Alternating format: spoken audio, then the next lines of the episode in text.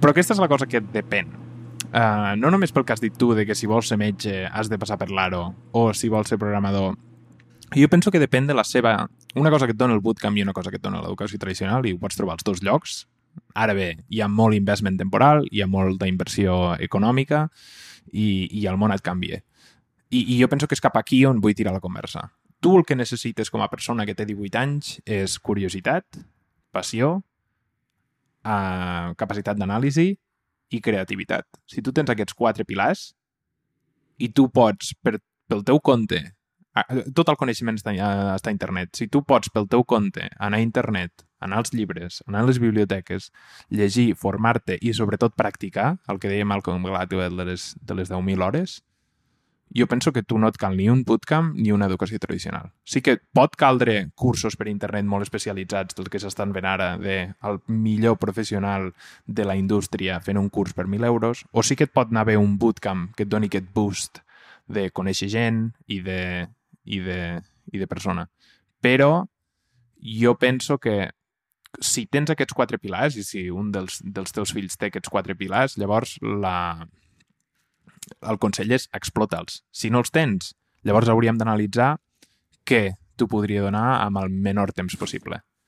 El que passa, el que passa, Ramon, és que, i a veure, eh, jo me l'estimaré molt el dia que, que neixi, però crec que estàs com idealitzant el teu fill, d'alguna manera. Eh, a mi, si em preguntes amb 18 anys si tenia curiositat, passió, capacitat d'anàlisi, et diré que era nula. O sigui, res. L'únic que pensava amb 18 anys era eh, sortir de festa i a veure quina nena em feia cas. No, no sé si m'explico. És a dir, mm, tens com una maduresa emocional eh, de la mida d'un cargol. És a dir, és, és, és, és pràcticament inexistent i crec que aquest és un dels problemes, no? Has de prendre una de les decisions més importants de la teva vida bueno, pues, eh, bàsicament eh, amb, amb, els, amb els ulls tapats o, o, o amb una asimetria d'informació acollonant, no? Llavors, si tu em dius, mira, consell que jo li muntaria al meu fill, a veure, o sigui, el meu fill es cagaria, o sigui, el meu fill li muntaria un pla de carrera eh, que no, el pobre que no entendria res, o sigui, però, eh, com et diria, el que faria d'entrada és el que tu dius, no? O sigui, criba de dir, a veure, xato, tu tens una passió d'aquestes que dius, hòstia, que necessites un títol o no? És a dir, tu vols ser mm, notari, tu vols ser eh, metge, per què vols ser això? Tu doncs, un bon set de raons, doncs ei, endavant, eh, anem a perseguir el que, bàsicament el que pots fer. Però, en cas que no, deixaria molt clar d'entrada què és la universitat actualment o què és el que fa. Tu has dit i m'agrada aquesta idea, perquè jo també l'he vista moltes vegades i li he estat donant moltes voltes, no? Com aquest framework, aquest com que t'estructura el cap. Eh, també has mencionat el fet de poder continuar i fer un doctorat, no? Al final són els incentius universitaris. En això estic d'acord. Però malgrat, si jo m'aproximo a la universitat des d'un punt de vista molt de producte, penso, què és el que m'està oferint això? I en el meu cap hi han quatre coses que ofereix la universitat. En primer lloc, és a dir, és com un bundle de serveis de la universitat, en el meu cap, eh? o sigui, de la forma que funciona. En primer lloc, tens un, un concepte educatiu, és a dir, eh, t'ensenya coses, no? Eh, I el que tu dius, malgrat el coneixement avui en dia no té fronteres i tu eh, pots aprendre el que vulguis per internet i això ho sabem tu i jo i segurament tu i jo ho estem explotant molt, jo he après infinitat de coses sense pagar un duro literal, eh, a un nivell que eh, fa 20 anys era absolutament impensable, i, i torno al que dèiem en el capítol anterior de ser una mosca a la paret. És a dir, mm, aquest concepte avui en dia és, eh, és, és més real que mai. Pot ser una mosca a la paret en les converses més sofisticades i més avançades del món. És a dir, pots formar part de, de l'èlite en qualsevol camp mm, realment sense, sense invertir un euro. És que és fortíssim, això. Val? Eh, llavors, aquí tens un, un factor. Val? Tens el factor educatiu. La universitat t'està ensenyant coses, d'acord? Eh, després, tens un factor social, que per mi aquest punt és molt important. Eh, factor social és, si jo veig la universitat a dia d'avui, és un lloc com per fer amics, generar connexions amb altres persones, eh, quasi, quasi que és un servei, un servei de dating, és com un Tinder de la vida real.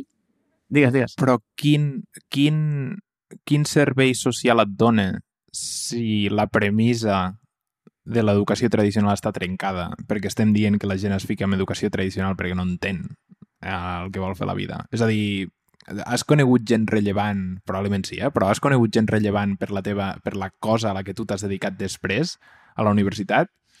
Tu estaves a Barcelona, universitat més gran, eh, diferents, eh, diferents professors, però jo t'estic parlant des del punt de vista d'una universitat petita com la de Lleida, Vic, Manresa... Um, és a dir, és rellevant aquest servei d'educació de, o t'agradaria més poder conèixer a gent que estigués ficada en una indústria per la qual tu tens passió i tens realment ganes d'entrar-hi? De, vale, boníssima pregunta, a la qual no vull que un data point generi narrativa, perquè el que li va funcionar al Marc pot ser que no li funcioni a altra gent. Però a mi, per exemple, el meu cofundador a la meva primera empresa anava a la meva classe. Per exemple, per exemple. Però jo no em referia en això. A què em referia? Em referia a que en el component social tens com un portfoli de coses. Doncs mira, a veure, Ramon, no ens enganyem. Universitat, Ivy League, mm, o anem a posar, migrar el concepte de l'Ivy League a Barcelona o a Catalunya, ok? què és al final? Bueno, pues és com una espècie de Juego de Tronos, tio. La gent amb pasta porta els, els crius a un lloc eh, que al final hi ha un cap d'entrada monetari on saps que hi trobaran gent que també té pasta, es relacionen entre ells, eh, es fan amigunxis, mmm, bueno, eh, després es casen, tenen fills, perpetuen l'espècie i repeteixen la jugada. És a dir, bàsicament, tio, és un servei com perpetuar la, per perpetuar la casta, d'alguna forma. Clar, però l'Ivy League podríem dir que és ESADE o podríem dir que és Harvard, que et costen 60 o 70.000 euros a l'any, que això ja t'ho fa accessible al 10% de la població. És a dir, si, si féssim una campana de Gauss, ja estàs fora d'aquesta campana de Gauss. Però estem parlant de que l'educació tradicional està com comoditzada. És a dir, podries probablement trobar millor connexions, una altra vegada, amb un bootcamp que et val 10.000 euros, eh, 6 mesos, que la gent probablement no estigui tan disposada a pagar, que amb una educació que et costa 2.000 euros a l'any. Sí, no, no, amb això estic totalment d'acord, eh? amb això estic absolutament d'acord. És a dir, jo no dic que els serveis que està proveint la universitat no els complementi o també els proveeixi serveis eh, alternatius, tipus un bootcamp. O sigui, no, per res dic això. Simplement dic que la universitat no és allò que dius, no, és que jo a la universitat vaig aprendre. No, fill, a la universitat vas fer moltes coses. Vas a eh, a que t'ensenyin a aprendre component educatiu, número 1, després 2, component social, és a dir, tu vas a fer amiguets i, i, i trobaràs allà la teva tribu, el que tu dius no està molt ben segmentada, sincerament, però, bueno, però trobes allà un grup de gent amb el que et fas amics perquè per defecte el roce hace el cariño, no? I, i portes com, bueno, pues, eh, quatre anys vivint o convivint amb ells i, i d'alguna manera, pues, mira, pues, pues, pues, pues t'acabes fent amics amb aquella gent, ¿vale? Eh, que al final allò no acaba sent més que un Tinder com a la vida real, però bueno, en fi, és una conversa per un altre dia. Component 2 és social. Després tens component 3, que aquest tu l'has mencionat al principi, que per mi són credencials. T'acredita de cara a la societat que tens algú, bueno, doncs tens un títol, tens com una cosa mmm, que, bueno, que sembla que dona com valor eh, per, eh, per fer o per tirar endavant segons quines carreres o segons quines professions.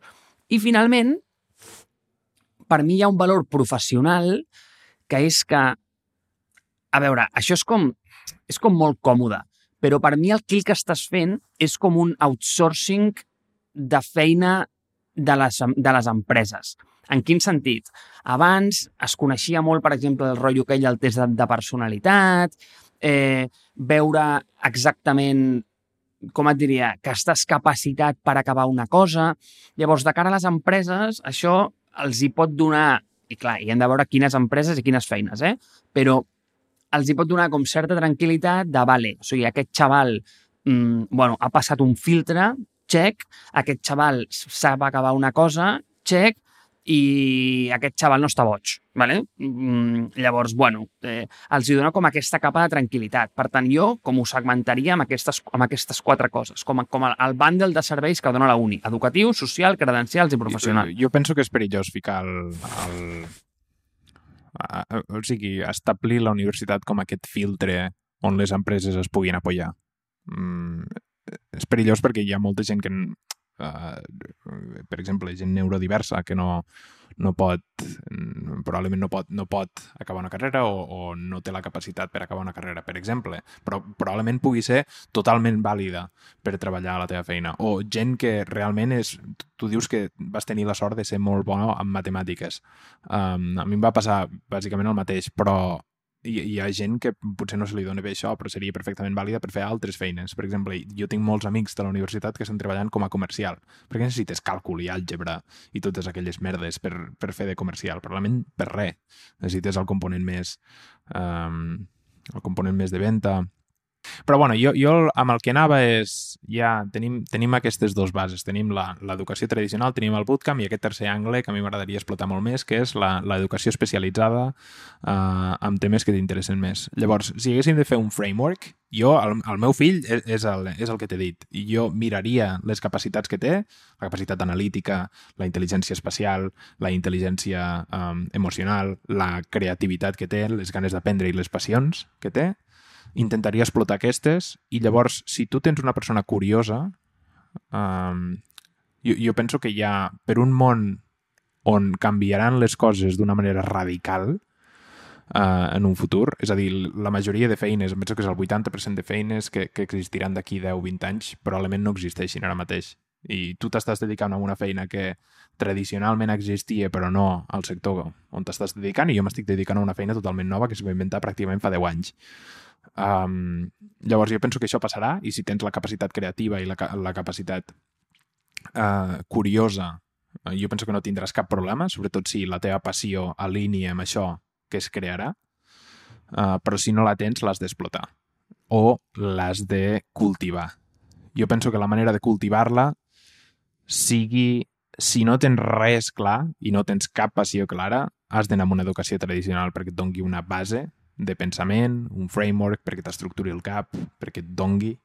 No cal, no cal que l'acabis, sincerament. Jo penso que els, els millors anys de la universitat són els dos primers, que és quan comences a... No, no, quan comences a fer-te adult, quan comences a veure el que hi ha, el que fas i el que t'agradaria fer. I, I després, jo penso que si no tens la capacitat per aprendre nous conceptes, Uh, llavors miraria bootcamps o probablement miraria cursos especialitzats a YouTube, iTunes U o, o qualsevol d'aquests llocs.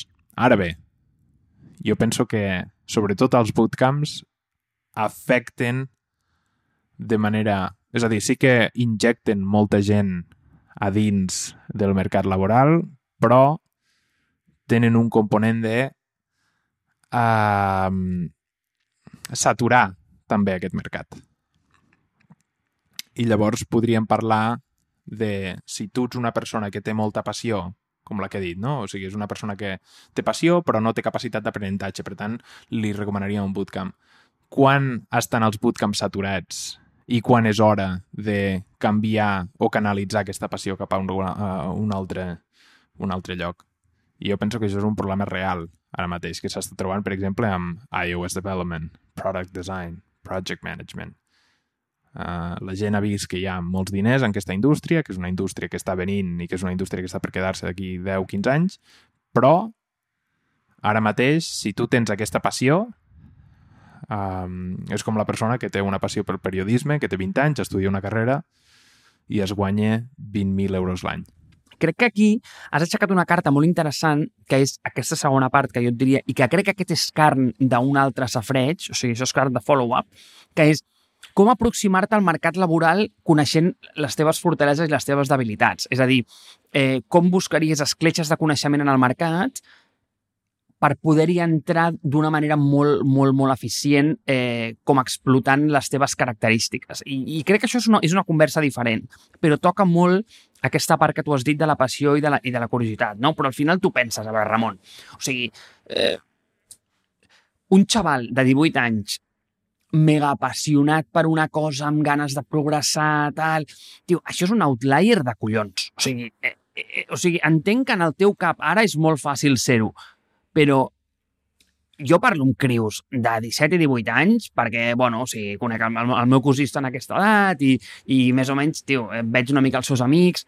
Tio, l'únic que els importa o sigui, és que és que la seva pantalla del mòbil tingui més de 6 pulgades i, i puguin parlar molt rato pel, eh, per WhatsApp o el que sigui, no? Llavors, a veure, és com, no dic que sigui una generació que estigui dormida, però, tio, però, però té altres incentius. Llavors, trobar un paio així allà dins és, és delicat, ¿vale? és difícil.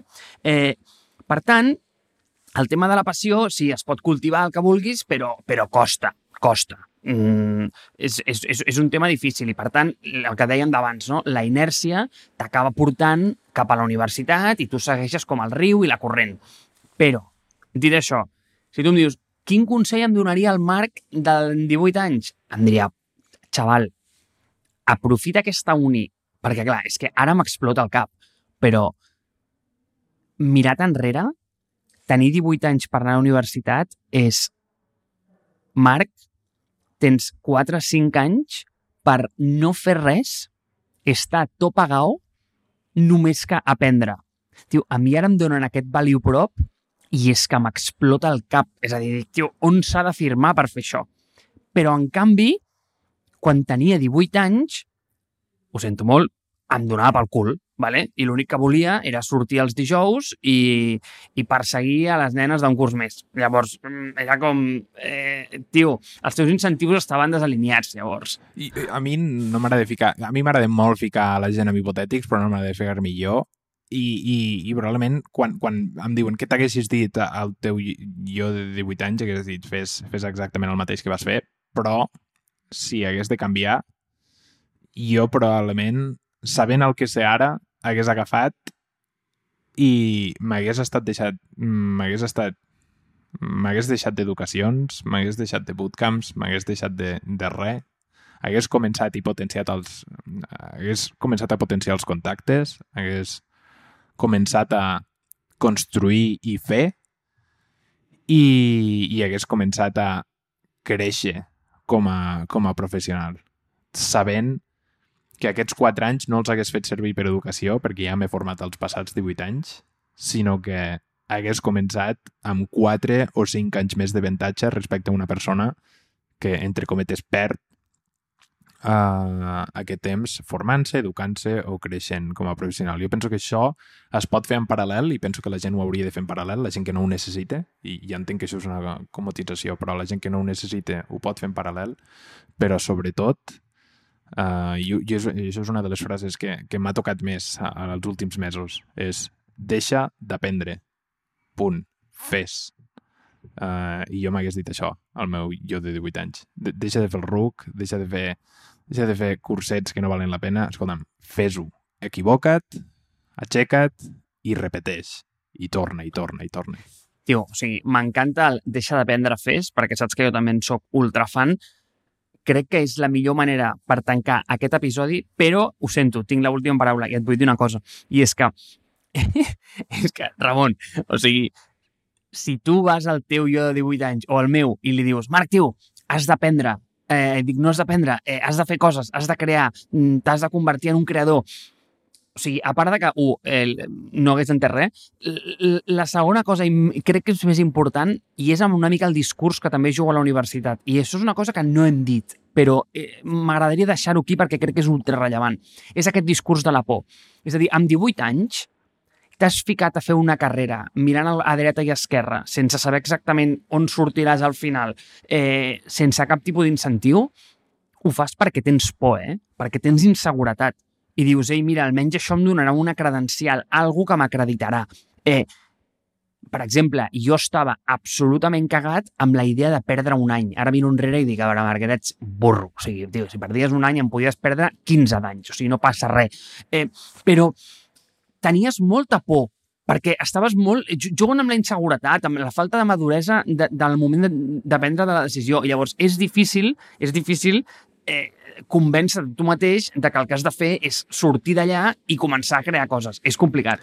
I aquí ho volia deixar. I, I això, eh, per acabar, això és interessant el que dius, però t'aplica tu perquè vas estudiar enginyeria i vas dir, mira, m'obro totes les portes sense tancar-me en cap, però després hi ha gent que agafa i agafa aquesta oportunitat d'aprendre durant 4 anys i se'n va a l'escola de dansa. Explica'm de què et dedicaràs si fas dansa. Bona sort a la vida. I aquesta gent, aquesta gent són uns valents que agafen el que en veig els agrada i saben el, el que en veig els agraden i van a l'escola de, de dansa, o van a l'escola mm, d'art, o van a l'escola de cant, com la Rosalia, que el seu projecte de final de carrera és el CD i el seu següent CD va guanyar el Grammy. Um, jo, és a dir, hi ha tipus de persones i tipus de persones. Jo em dic a mi, deixa d'aprendre i fes, i, i em cago sobre perquè tenia la mateixa por que tu. He d'acabar la carrera amb 4 anys, i efectivament la vaig acabar amb 4 anys, i ja està. Però sí que és veritat que hi ha molta gent que agafa el que a ella li agrada i diu, ei, hi vaig 100%, ni que això sigui un pou de desconeguts.